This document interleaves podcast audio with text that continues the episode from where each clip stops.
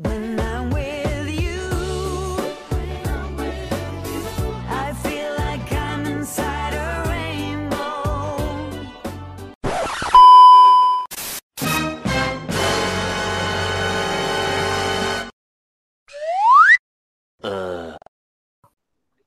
the mic, open the door.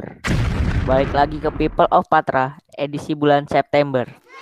Pada kali ini, kedatangan bintang tamu yang tidak kalah keren dan inspiratif, yang sangat membantu siswa-siswa SMA untuk melanjutkan kuliah di PTN atau di perguruan tinggi lainnya. Sa- saya di sini ditepan, ditemani oleh co-host yaitu silakan Michael memperkenalkan diri. Halo semuanya, Mike. Di sini aku Michael Aryataka, kader 18095. dan bintang tamu kita yang tadi kita telah sebutkan yaitu Bang Siswandi ya silakan Bang untuk memperkenalkan diri. Oke, eh, kenalin teman-teman semua. Eh, nama aku Muhammad Siswan Irfandi, panggilannya Fandi. Mungkin eh, di next ini kita akan sharing-sharing seperti itu, sama-sama belajar.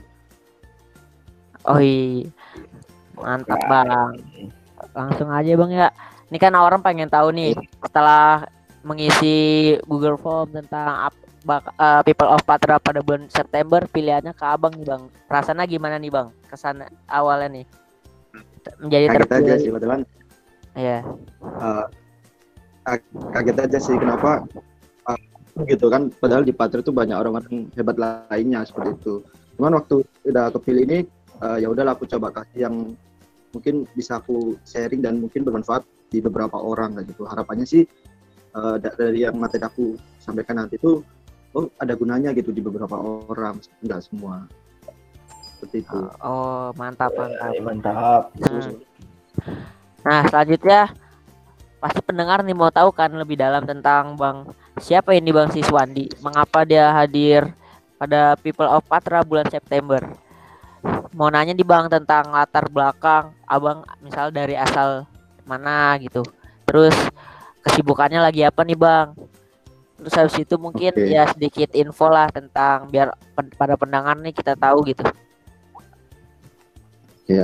Jadi untuk di intro awal, jadi aku tuh dari sidoarjo, terus eh, kebetulan aku tuh emang suka jualan. Nah dari situ tuh eh, ide bisnis aku tuh mulai jalan kayak gitu. Jadi di sidoarjo sendiri tuh ini di awal ya sebelum cerita panjang Zenora sama Glot. Jadi di awal tuh eh, aku tuh udah jualan yang namanya sepatu pantufel. Jadi ini bener-bener eh, pertama bisnis yang aku jalani. Nah, aku jualan sepatu pantufel dalam arti gimana? Jadi di Sidoarjo itu banyak pengrajin sepatu pantufel. Nah, itu aku rebranding, aku pesen, aku kasih nama lagi, kasih merek, aku jualin ke teman-teman eh, mahasiswa baru. Itu di tahun 2017. Nah, itu benar-benar aku bisnis pertama. Itu yang pertama. Yang kedua, eh, perjalananku bisnis tuh jadi reseller Zenius. Jadi kalau teman-teman tahu Zenius itu kan eh, platform pendidikan kan itu waktu dulu di 2017 tuh ada yang namanya reseller. Nah, aku itu nyalonin buat jadi reseller. Nah, dari situ eh, buat ningkatin penjualan, aku ngadain tryout gratis seperti itu. Terus feedbacknya kok bagus, malahan teman-teman eh, kok kak adain tryout lagi dong. Nah, aku adain, dan eh, aku adain dan itu gratis. Gratis lagi gratis lagi beberapa kali. Kok ba- bagus gitu feedbacknya. Ya udah aku buat yang berbayar. Nah aku buat berbayar ternyata satu kali event tryout yang berbayar ini ngalahin omsetnya waktu aku nge-reseller Zenius satu tahun. Nah dari situ aku mulai lepas dari reseller Zenius aku branding menjadi nama Zeniora aku buat tryout berbayar. Nah itu awal mula di Gulabi di Zeniora nah terus ke sini sini eh, apa apa nih bisnis yang mau aku jalin lagi? Nah kebetulan kemarin tuh aku join di Gula Beauty. Emang ini kayak skincare ya. Nah tapi kenapa sih aku join yang awalnya di bisnis digital Zenora kok di Gula Beauty Gula Beauty?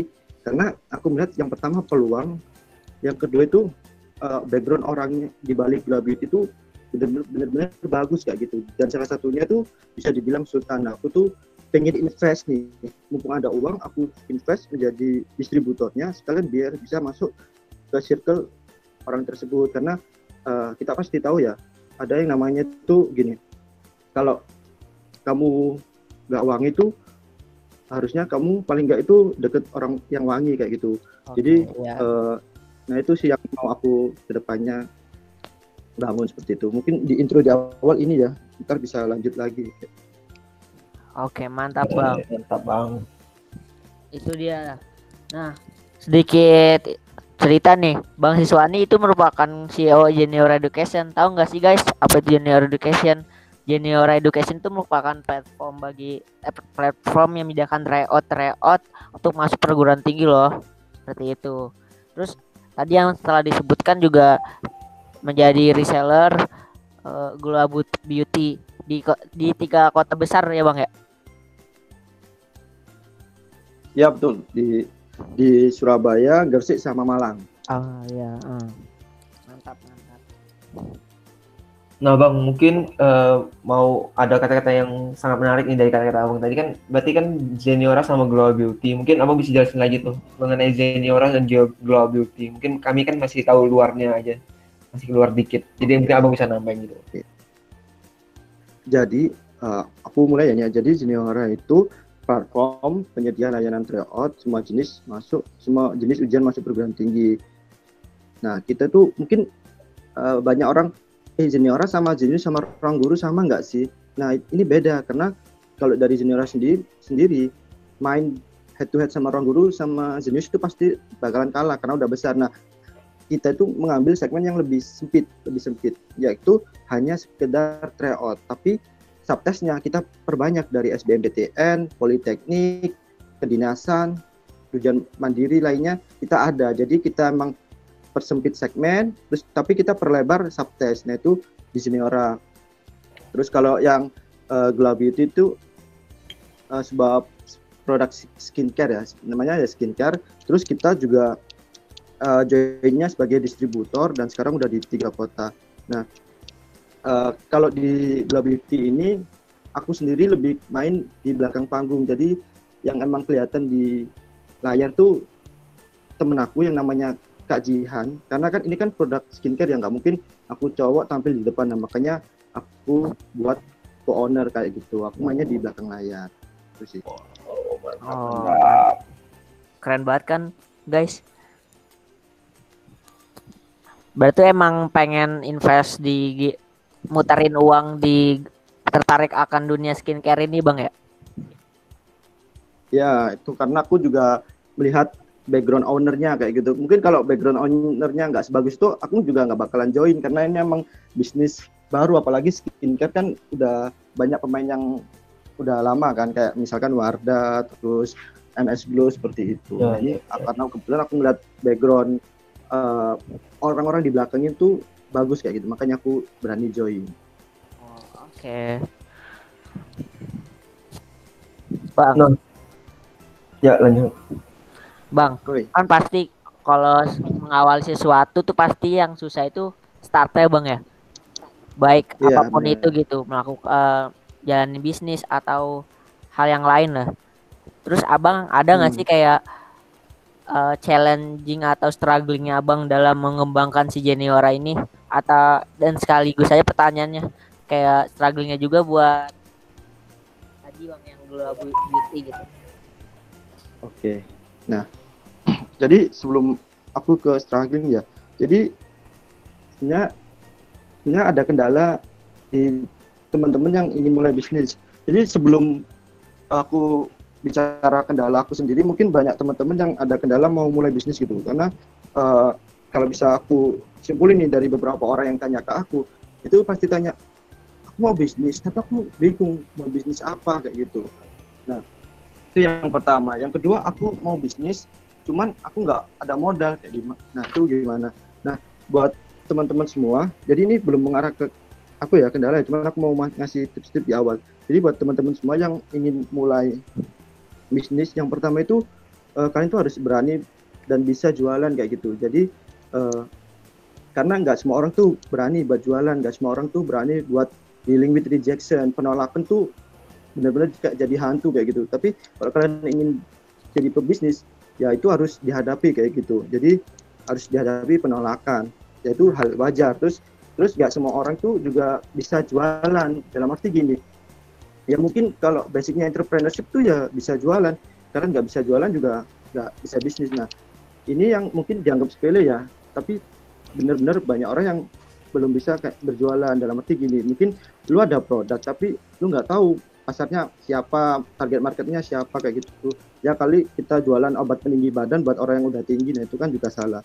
Itu yang di awal. Terus kalau lanjut ke kendala aku ya nah kendala kendala di aku sendiri di awal itu yang pertama itu di SDM sumber daya. Karena benar-benar di awal tuh aku mulai ngerintis dan benar-benar aku sama kembaranku sendiri. Yang di mana bisnis aku itu digital nggak ada yang punya basic bisa coding atau programmer. Nah ini yang kendala. Makanya di awal-awal tuh kita pakai Gform. Jadi kalau teman-teman mau bisnis jangan nunggu perfect dulu baru running karena itu bakal ketinggalan seadanya dulu.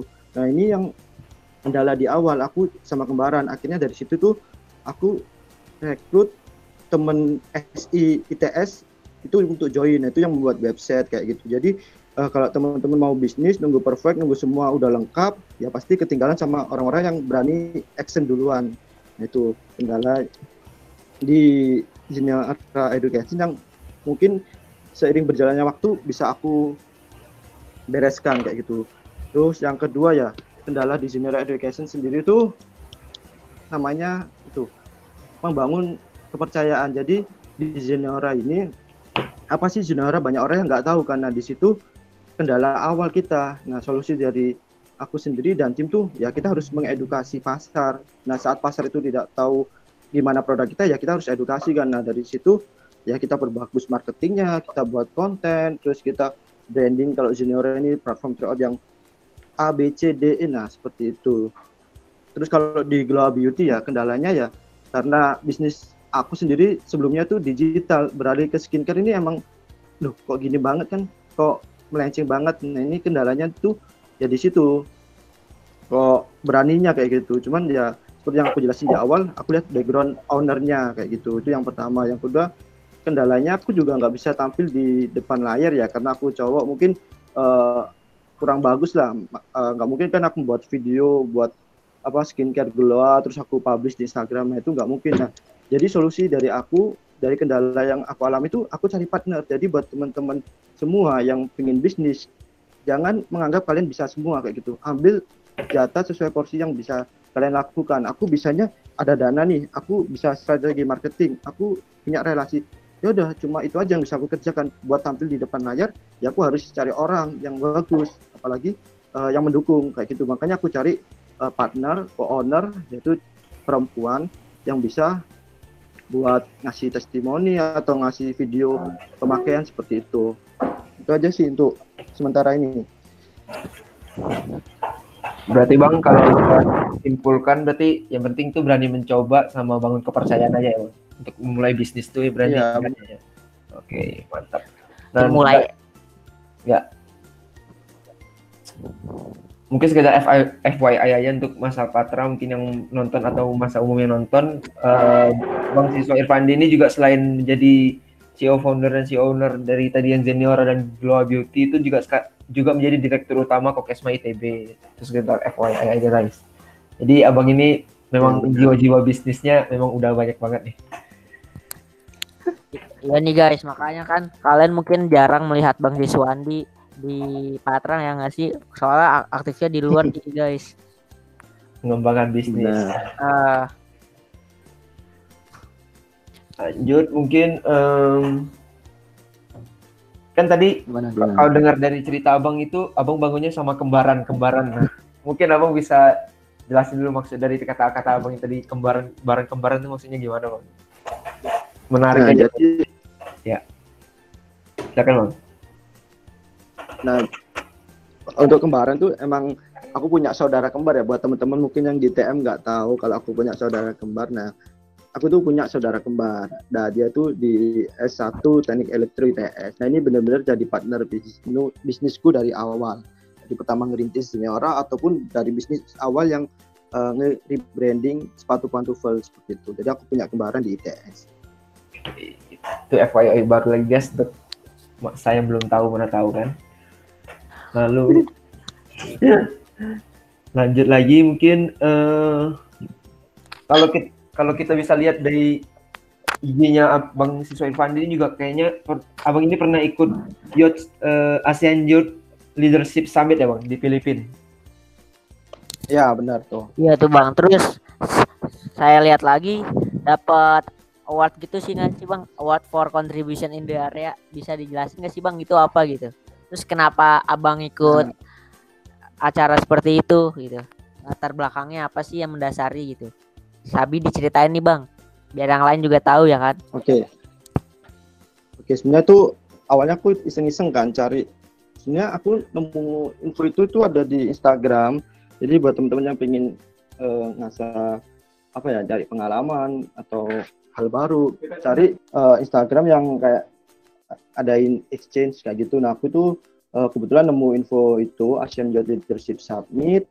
Nah, di situ kita tuh kayak dites gitu dalam arti kita ngisi banyak banget eh, isian. Jadi kalau kalian cuma ingin jadi delegasi, isiannya singkat. Kalau kalian ingin dapat award juga dan diseleksi sama pihak sananya, kalian isi formnya tuh banyak dan tuh harus misalkan 300 kata minimal, 1000 kata minimal. Nah itu yang aku isi. Nah aku isinya berdasarkan apa ya? Berdasarkan apa yang aku jalani. Aku buat eh, branding Juniora, aku buat branding misalkan pengalaman organisasi, pengalaman eh, aku berjualan. Nah, di situ tuh itu yang aku inputkan. Nah, jadi hal-hal kecil aku inputkan banyak akhirnya eh, diumumkan tuh aku lolos kayak gitu. Nah, sebelum lolos tuh aku ada seleksi wawancara juga. Nah, wawancara itu terus aku wawancara, aku lolos.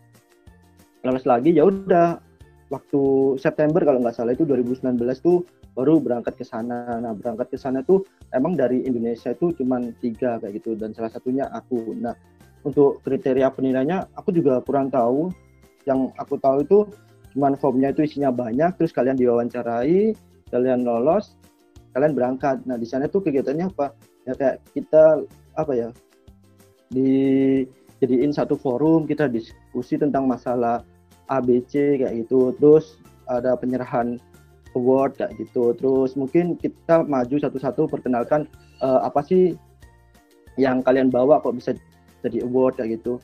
Seperti itu. Nah, pengalaman yang aku dapat ya pertama eh, aku baru itu pertama kali buat ke luar negeri jujur. Jadi pengalaman yang menarik juga. Yang kedua eh, nge-challenge aku gitu buat bisa belajar bahasa Inggris lebih karena bahasa Inggrisku jujur nggak terlalu bagus cuman karena dari event itu aku belajar dan sampai sekarang juga alhamdulillah lebih meningkat kayak gitu.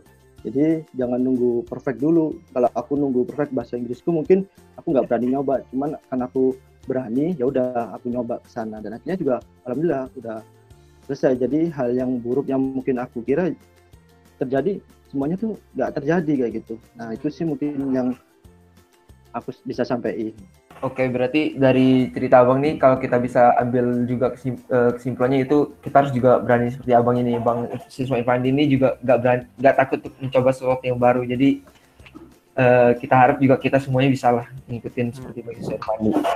Oke, lanjut Nah. Dil mungkin. Nah, ya tadi yang seperti udah kayak bilang kan, dan Bang Siswandi paparkan bahwa ba- prestasi Bang Siswandi ini nggak cuma di nasional doang guys, tapi juga udah internasional keren banget kan. Mewakili Indonesia dengan tiga orang lainnya itu kan suatu kebanggaan tersendiri ya Bang ya. Iya. Selanjutnya mau tadi kan dibahas tentang direktur utama Kokesma ya Bang.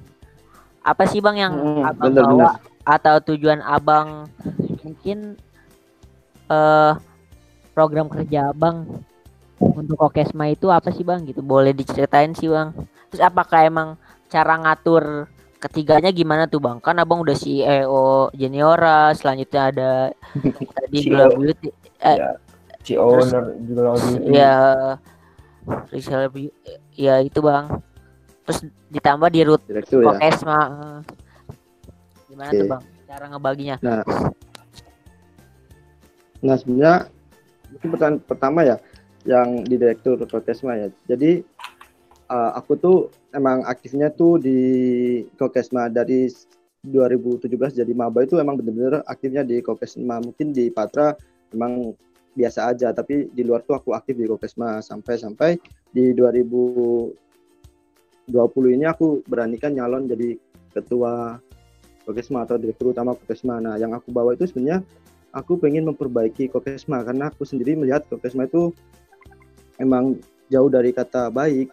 Nah, makanya aku pengen maju itu paling tidak aku memberanikan diri untuk coba memperbaiki Kokesma ini sesuai porsi yang aku bisa. Karena eh, sebenarnya Kokesma itu juga basicnya tuh yang pertama pendidikan buat teman-teman maba atau anggota yang kedua basicnya bisnis juga. Karena di Kokesma sendiri itu ada lima bisnis lima bisnis utama. Nah ini aku pengen perluas. Jadi waktu awal menjabat itu sebelum menjabat deh sebelum menjabat tuh aku pengen memperluas bisnis Kokesma seperti itu jadi mungkin bisnisnya ada lima aku mau tambah aku di dalam kampus maupun di luar kampus tapi kenyataannya waktu aku udah menjabat kita pandemi seperti itu. Nah ini yang benar-benar jadi kendala utama bagi aku sendiri. Nah cuman yang awalnya dulu aku mimpinya buat nambah usaha, nah sekarang tuh mentok di gimana sih biar bisnis Kokesma itu tetap sustain kayak gitu di pandemi ini. Nah jadi fokus aku sekarang tuh bukan lagi untuk menambah bisnis mungkin ntar ya waktu Januari Februari tapi gimana bisnis ini di Kokesma biar tetap jalan Nah, aku mungkin bisa bagi tips kalian ya buat teman-teman di luar. Jadi tipsnya ini bukan buat Kokesma aja, tapi buat teman-teman juga yang mungkin punya bisnis buat menghadepin uh, di masa pandemi ini atau new normal ini ya. Nah, kalau teman-teman punya bisnis, ini yang aku terapin di Kokesma sendiri. Yang pertama, kalau kalian ingin sustain waktu pandemi ini, yang pertama kalian coba pivot, pivot bisnis. Jadi kalau kalian punya bisnis, uh, kalian harus pivot nih di dalam keadaan sekarang. Nah, kalau teman-teman kurang tahu pivot itu apa sih? Kalau kalian mungkin pemain basket atau volley, pasti tahu pivot tuh kalian punya satu punya dua kaki ya. Satu kaki tuh tetap nempel di tempat yang sama, satu kakinya tuh bisa gerak ke kanan, ke kiri, ke, ke depan, ke belakang ya. Nah, kalau pivot ini sama, kalau di bisnis kalian tetap berpijak di tempat kalian usaha, kalau kalian punya bisnis digital, tetap bisnis digital, bisnis makanan, tetap bisnis makanan, cuman kaki satunya itu yang harus aktif gerak ke mana-mana. Dalam arti ya coba kalian pivot bisnis bisnis modelnya. Kalau dulu awalnya Kokesma sendiri itu offline, ya pivotnya gimana? Ya kita pivot menjadi online kayak gitu. Jadi kita buat bisnis Kokesma itu online jadi yang awalnya dulu misalkan ya kita punya retail dua di Tokema Ganesha sama Tokema Jatinangor, kita pivot bisnisnya itu kita buat satu platform online. Kita jualan di Shopee, kita jualan melalui link PO seperti itu. Itu yang dinamain pivot. Terus yang kedua buat teman-teman biar tetap survive tuh buat bisnis on demand. Jadi kalau pivot tadi gunanya untuk menjaga biar bisnis jangka panjang ini tetap sustain, survive. Nah, bisnis on demand ini lebih ke arah kita melihat sebuah bencana pandemi ini sebagai peluang usaha kayak gitu. Nah ini aku terapin di Prokesma, aku buat akasan. Apa kabar kosan ini buat bantu teman-teman mahasiswa. Terus aku juga terapin di Zeniotra juga business on demand waktu pandemi ini di UTBK kemarin. Waktu mau ujian, waktu mau ujian itu di, disuruh calon mahasiswa atau yang peserta itu membawa alat-alat kesehatan kayak gitu. Nah, aku melihat ini sebuah peluang ya, makanya aku bisnis bisnisin, aku jual masker, hand sanitizer dalam satu pak kayak gitu. Jadi kayak starter pack kayak gitu buat teman-teman yang mau UTBK itu bisnis on demand. Nah, terus yang ketiga, ketiga itu buat teman-teman yang mungkin di pandemi ini juga punya bisnis mau mau tetap survive, ubah angel marketing kayak gitu. Maksudnya gimana bang ubah angel marketing itu? Jadi gini, ubah angel marketing itu aku terapin sendiri di Zeniora. Jadi kalau dari teman-teman Mikel ya, Mikel atau siapa? Michael bang. Kalau manggilnya. Ya. Michael. Mike sama Bocil ya. Nah itu kalau kalian pandemi ini spend money-nya ke mana? Kalau kalian punya uang, spend money-nya ke mana? Ditabung masih bang. Iya bang, kalau saya sih ditabung gitu. ditabung atau mungkin kalau ka- orang tua spend money-nya itu di kesehatan sama di makan ya. Ya. Jadi waktu pandemi ini banyak orang yang spend money-nya tuh di kesehatan sama makan. Nah, terus apa hubungannya sama Zeniora? Nah, kalau Zeniora tetap kita banding marketingnya itu tryout, kita bakalan kalah. Karena apa? Di pandemi ini kalau di head to head kan ya antara makanan, kesehatan dan uh, tryout itu orang pasti lebih milih kesehatan sama makanan. Nah, itu yang aku ubah angel marketingnya. Aku ubah jadi apa sih? Kita cari sebuah kata di mana kata tersebut itu equal atau bisa lebih tinggi daripada kesehatan sama makanan. Nah, kita nemu yaitu apa? Mimpi. Jadi mimpi ini akan equal dengan makanan dan kesehatan bahkan jauh lebih tinggi. Kalau sekarang orang tua ditanya nih eh, antara kesehatan makanan atau mimpi anaknya. Nah, ini equal kan daripada tadi eh, makanan, kesehatan atau tryout. Nah, itu yang nggak balance. Nah, kita buat sebagai mimpi itu biar bisa equal dan bisa lebih tinggi, lebih menjual. Nah, akhirnya di pandemi ini Genera bisa survive karena kita ubah angel marketingnya seperti itu. Itu yang aku bisa sampaikan di eh, cara teman-teman buat ngadepin eh, di pandemi ini ya. Yang pertama pivot, yang kedua bisnis on demand, yang ketiga ubah angel marketing. Nanti sesuaikan. Terus balik lagi ke tadi di Kokesma. Nah, yang aku bawa tadi yang awalnya pengen memperbanyak bisnis, ya sekarang gimana caranya aku buat menjaga bisnis Kokesma ini tetap bisa sustain. Itu yang aku bisa sampaikan. Terus gimana cara bagi waktu ya antara Kokesma, Genera sama Beauty.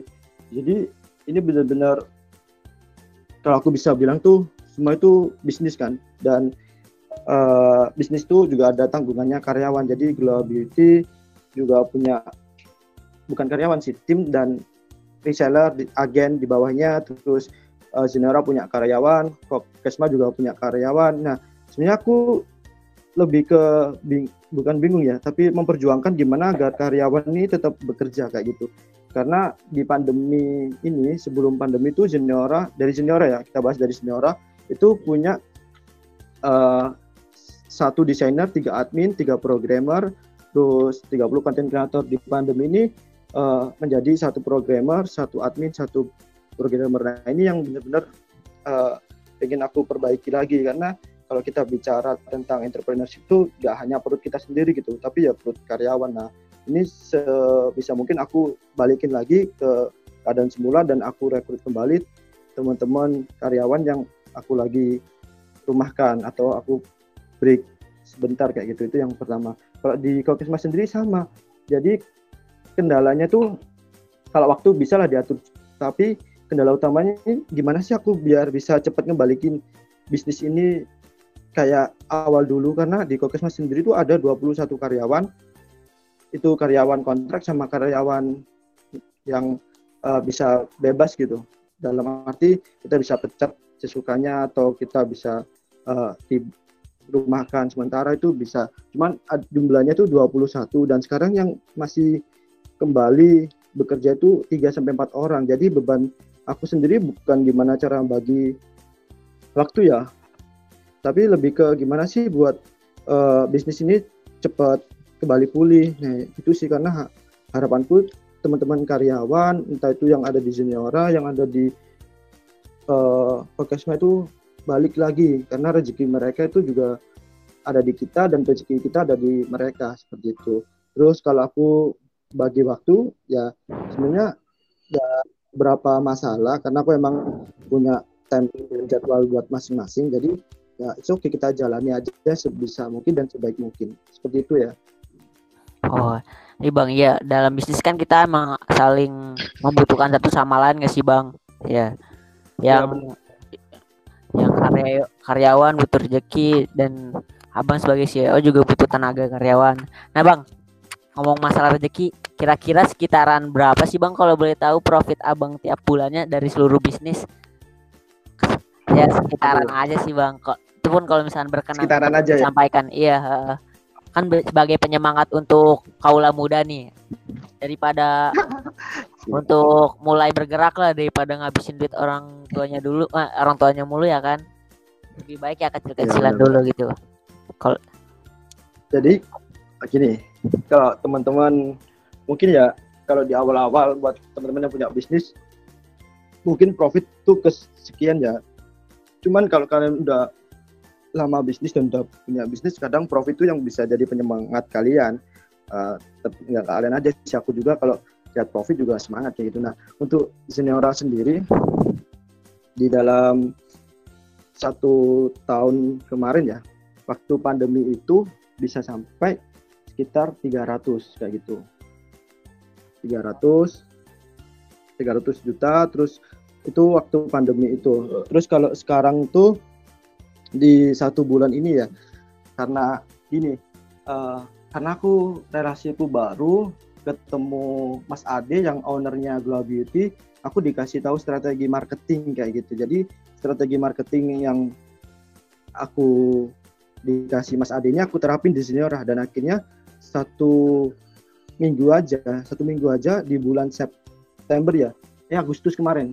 Jadi di akhir Agustus itu dalam satu minggu kita bisa up profit 30 jadi kita bisa untung bersih itu 30 juta.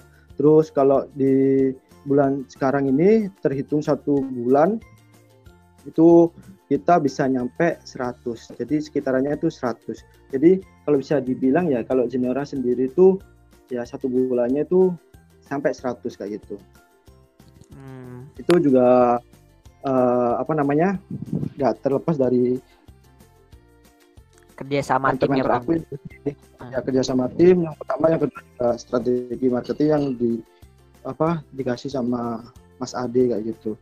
Itu yang buat Zenora kalau yang Glow Beauty ini karena masih awal kita masih ngerintis ya apa namanya masih dikit lah. Aku nyebutin ntar juga ya masih sedikit kayak gitu.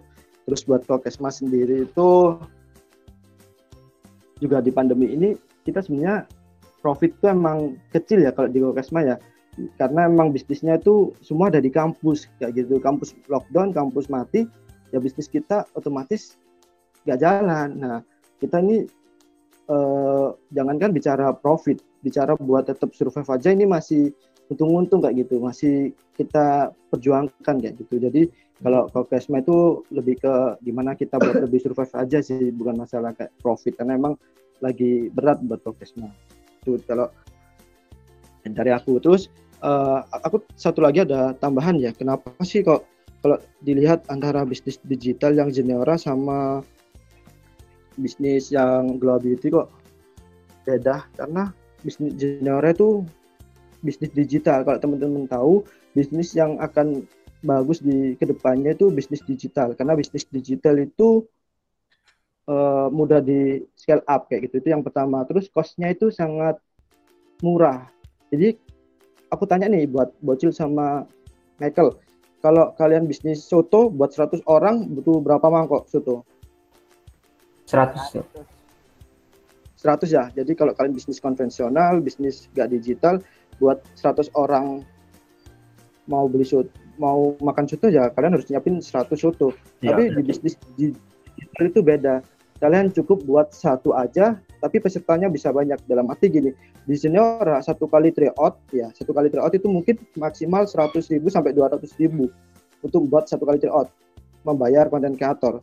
Tapi hasilnya bisa 20 juta 30 juta karena satu tryout itu bisa dipakai 1000 orang 2000 orang 3000 bahkan sampai 10.000 kayak gitu. Ini yang eh, paling bagus di bisnis digital ya ini. Jadi profitnya tuh emang eh, sangat tinggi kayak gitu. Mungkin eh, kalau aku bilang profit tadi sekitaran ya. Jadi sebenarnya aku juga masih menyebutin profit ini masih malu lah. Mungkin Iya. banyak di teman-teman di Patra itu yang jauh lebih besar. Cuman ya ini cuman sekitaran kayak gitu. Ya, kurang lebih lah ya bang. Segitu. benar. Mungkin ada yang jauh kan gimana kan Itu juga buat mahasiswa sudah sangat besar sekali ya nggak sih guys. Tapi untuk mencapai profit sebesar itu pasti kan pas banyak yang dilalui nggak sih? Masa nggak tiba-tiba Benar, langsung benar. dapat segitu nggak pasti dari awal tuh modal cuman berani doang bang ya. kenapa Bener, ya bener awalnya cuman modal berani gitu kan. Terus emang suka Iya, ada benar. emang suka ada jiwa-jiwa jualnya terus pedulilah sama orang lain gitu. Mau saling membantu kan membuka lapangan pekerjaan juga nggak sih bang? Kalau kayak gitu. Iya benar. Benar-benar. untuk Jadi eh, aku mau silakan. Oke, jadi aku masih satu itu sih apa namanya pandangan sih. Kalau teman-teman pengen mulai bisnis tuh benar yang uh, aku tem- telah kamu sampaikan tadi berani action ya. Jadi yang aku bawa dari dulu tuh ya cuma satu berani action aja. Karena uh, banyak teman-teman tuh mikirin buat bisnis itu uh, gimana ya? Mikirin ide doang kayak gitu. Mikirin ide gimana idenya itu bagus bagus banget idenya lalala ye ye, bagus banget. Tapi ya nggak ada action Nah, itu juga percuma. Nah jadi jangan jangan apa ya? Jangan ngomong jauh-jauh tentang profit deh. Masalah bisnis saja kalian masih apa namanya masih idenya tuh macem-macem lah tapi actionnya nggak ada kayak gitu. Itu yang perlu dikoreksi bareng-bareng. Aku sendiri juga masih belajar kayak gitu. Gitu, guys yang penting- gerak dan mulai aja nggak sih bang intinya? Iya. Jangan nunggu perfect dulu lah. Ntar kalian bisa perbaiki waktu kalian jualan karena ada inputan dari customer kayak gitu. Kaula muda juga pasti ada kepo nggak sih bang tentang latar belakang abang mungkin banyak yang berpikiran oh mungkin nih bang Siswandi latar belakangnya pengusaha maksudnya dari orang tua yang berada. Padahal kan kalau kita tahu mohon maaf ya bang ya. Apa privilege? Abang iya dapat apakah abang dapat privilege itu bang? Atau abang selain itu juga dapat bidik misi nggak sih bang? Bidik misi fair atau gimana sih bang? Kalau boleh diceritain. Ya benar benar benar. Jadi gini. Jadi gini ya, aku sendiri tuh dari orang tua emang eh, nggak kayak yang lain. Mungkin eh, dalam arti belum diuntungkan lah masalah itu. Jadi benar-benar nggak nggak ada privilege kayak gitu. Entah itu mungkin dananya kuat dari belakang atau mungkin udah ada dana di awal enggak. Karena benar-benar aku memang ya dalam arti keadaannya juga biasa aja bahkan kurang mampu. Cuman eh, mas apa aku kuliah aja juga bidik misi kan. Nah dari situ yang aku mulai bangun. Jadi gimana aku bidik misi itu juga gak hanya ngandelin bidik misi ya makanya aku punya usaha kayak gitu. Kalau aku ngandelin bidik misi nggak cukup. Terus kalau dibilang mungkin ada support dana dari orang tua sebenarnya enggak tapi gimana ya aku bisnis tuh buat cari uang intinya itu. Karena aku memang nggak punya uang di awal ya udah aku cari uang. Jadi nggak nunggu dapat modal terus aku running bisnis enggak jadi emang kita running seadanya yaitu buat cari uang. Terus eh, aku juga bidik misi yang seperti yang kalian bilang tadi cuman ya apa ya bidik misi tuh nggak jadi batasan buat kalian tuh ya harus jadi orang yang selalu menerima gitu. Dalam arti ya udahlah ya aku bidik misi aku nunggu data aja tiap bulan terus ya udahlah aku bidik misi aku nggak nggak nggak bagus nih. Misal kalau dilihat punya bisnis besar tapi kok tetap bidik misi jangan sampai kayak gitu. Jadi ya kalian bidik misi ya bidik misi tapi jangan batasi semuanya gitu. Ya aku bidik misi bidik misi tapi aku juga punya bisnis kayak gitu. Ya itu yang sebuah prestasi kalau dari aku. Jadi jangan batasin kalian tuh terperangkap di kata-kata bidik misi yang mungkin eh, bidik misi itu membantu kalian tapi bukan jadi perangkap. Jadi kalian tuh bisa tetap bisnis punya usaha atau kalian apa pun lah jangan dibatasi dengan kata-kata bidik misi kayak gitu. Karena emang tujuan kita usaha itu buat menambah uang karena emang dari kita sendiri backgroundnya kurang makanya kita harus usaha biar bisa mencukupi seperti itu. Hmm, mantap mantap. Tuh guys jadi intinya kayak kit- jangan keluar dari zona nyaman gak sih bang? Maksudnya kayak nahan nunggu. Kita Iya, juga benar. harus bisa melipat ganda atau muterin uang gitu ya kan sih bang?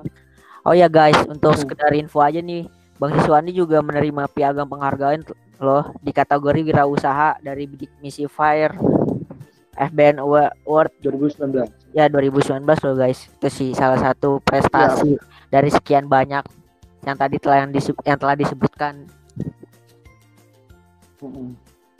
Iya, terus tambah lagi buat teman-teman yang eh, mau bisnis tuh bisnis saja, running aja, jangan mentok. eh, aku harus punya dana karena waktu kalian running bisnis, apalagi mahasiswa, pendanaan dari pemerintah tuh banyak banget. Jadi jangan deh eh, nunggu modal ada terus kalian usaha. Nah itu salah. Jadi kalian running aja seadanya. Kalau emang nggak ada kompetensi di bidang yang dibutuhkan coba cari tim kalau nggak ada dana tetap running seadanya dan cari dana-dana hibah karena di perguruan tinggi di pemerintah itu banyak dana hibah. Di Seniora aja udah terhitung empat kali dapat dana hibah. Nah jadi buat teman-teman yang takut nih buat usaha kadang nggak ada modal jalanin aja. Yang penting bisnis itu emang prospek coba kalian cari dana hibah. Itu pasti insya Allah dapat gitu. Tuh guys, sal- sa- tambahan lagi tipsnya tuh untuk memulai bisnis. Keren banget ya Bang Siswandi. Terus nih Bang, lanjut aja kali Bang ya ke harapan Oke, Abang. oke. Harapan Abang apa sih Bang buat ke depannya atau mungkin prospek dalam waktu dekat eh jangka panjang dan jangka jangka panjang dan jangka pendeknya sih Bang. Kayak misal harapan Oke. Abang apa kan pasti Abang nih udah tingkat akhir ya, pasti ya tahun depan kita Hmm. tahu bahwa lulus. Setelah lulus Abang Hmm. apakah apa apakah ingin melanjutkan profesional list dalam dunia perminyakan atau mengembangkan yang lebih besar lagi kayak parameter apa sih Bang yang belum tercapai gitu. Oke. Sebenarnya eh, kalau aku dari sendiri ya visi ke depan tuh aku nggak saklek harus di dunia perminyakan. Jadi aku emang melihat ntar itu ya gimana kondisinya eh, aku coba adaptasi kayak gitu. Tapi dari sini sejauh ini aku lebih ke arah aku jadi entrepreneurship kayak gitu. Jadi eh, keluar dari TB kalau kondisi perminyakan juga lagi nggak memungkinkan aku lanjutin terus bisnis aku ini.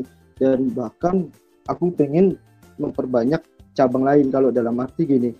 Eh, orang tuh bilang kalau kalian sebelum apa ya kalian punya sumur sebelum sumur itu surut ya kalian harus buka sumur lain. Nah itu yang coba aku pengen gali terus. Jadi eh, nggak hanya mentok di Zeniora dan Gula Beauty mungkin aku besok eh, mau bisnis di bidang lain misalkan kesehatan atau bidang makanan.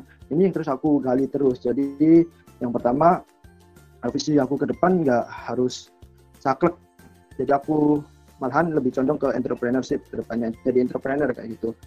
Eh, itu yang pertama. Yang kedua juga eh, apa sih pencapaiannya? Pencapaian aku yang mungkin aku harapin ke depannya nah aku sendiri tuh lebih pengen ke depannya tuh pengen buka banyak usaha dan juga banyak karyawan atau orang-orang yang bisa terbantu dengan adanya usaha aku. Jadi aku pengen buka lapangan pekerjaan tuh yang sebanyak mungkin. Jadi aku pengen memperbanyak bisnis dan di dalamnya tuh bisa membantu banyak orang. Jadi mungkin orang-orang yang mungkin membutuhkan pekerjaan tuh bisa dapat nih pekerjaan dari aku sendiri. Entah itu di bisnis A, B, C, D itu ntar nantilah. Tapi yang aku pengen itu semakin banyak orang terbantu dan mungkin ya insya Allah aku juga terbantu kayak gitu juga uh, itu udah hukum alam sih kita memperbanyak pekerja memper, memperbanyak lapangan pekerjaan dan hasilnya tuh ke kita sendiri kayak gitu terus yang uh, tujuan yang aku inginkan ya ke depannya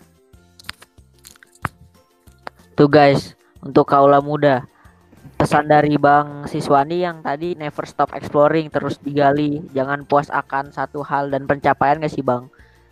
Dan ini juga salah satu bukti bahwa teknik perminyakan Ya, itu nggak cuman di nggak hanya di dunia migas saja gitu. Bisa menjadi entrepreneurship dan membuka lapangan pekerjaan kan membantu ekonomi pergerakan nasional sehingga tidak minus kan yang sekarang katanya Ya, rumornya bakal resesi gitu.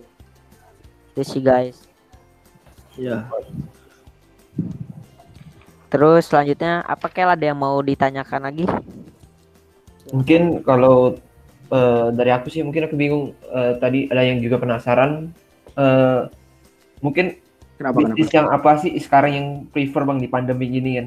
Kan ta- tahu juga nih yang menurut abang nih, menurut abang yang bisa kita kembangin apa? Mungkin antara mak- mungkin makanan ya, mungkin makanan atau mungkin abang ada saran lain nggak selain itu? tahu masker bang terus saking Ya. banyaknya kan masker tuh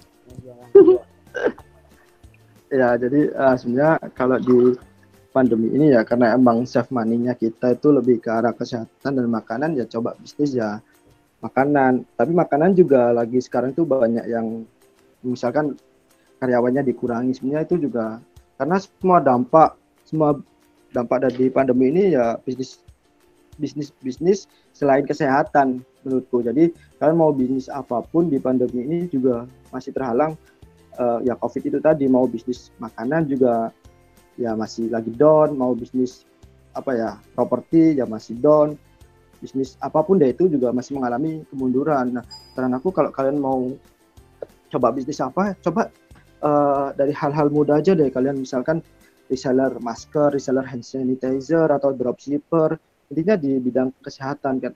Karena di pandemi emang kebutuhan utama itu ya tentang kesehatan itu. Jadi nggak usah bicara tentang jauh-jauh dulu deh. Misalkan eh, kita harus bangun bisnis A yang harus prospek satu tahun ke depan dua tahun ke depan. Jangan eh, di pandemi ini ya manfaatin aja peluang apa yang bisa kalian lakukan. Mau jadi dropshipper ya jadi dropshipper. Mau jadi reseller ya reseller. Selagi itu eh, kalian masih ada usaha gitu. Jadi jangan terbatas ada dana juga. Kalian bisa dengan cara reseller atau dropshipper di bidang apa? Kalau menurutku di bidang kesehatan. Untuk sementara ini ya, kalau udah di awal Januari udah kembali normal, baru kita bisa nih bisnis yang eh, di bidang A, B, C yang mungkin prospek jauh lebih menguntungkan itu juga boleh. Tapi untuk sementara ini aku sendiri lebih ke eh, kesehatan. Kalau kalian punya bisnis, udah punya bisnis sendiri, coba fokus kalian buat survive aja di kondisi seperti ini mungkin dengan cara kasih apa kreat- kreasi ya inovasi apa di bisnis kalian ya biar survive aja deh kayak gitu karena di pandemi ini banyak perusahaan-perusahaan atau bisnis-bisnis lain itu yang emang lagi drop lagi tutup. Nah buat kalian buat menang di pandeminya aja udah harusnya pencapaian yang besar kayak gitu. Itu sih menurut aku.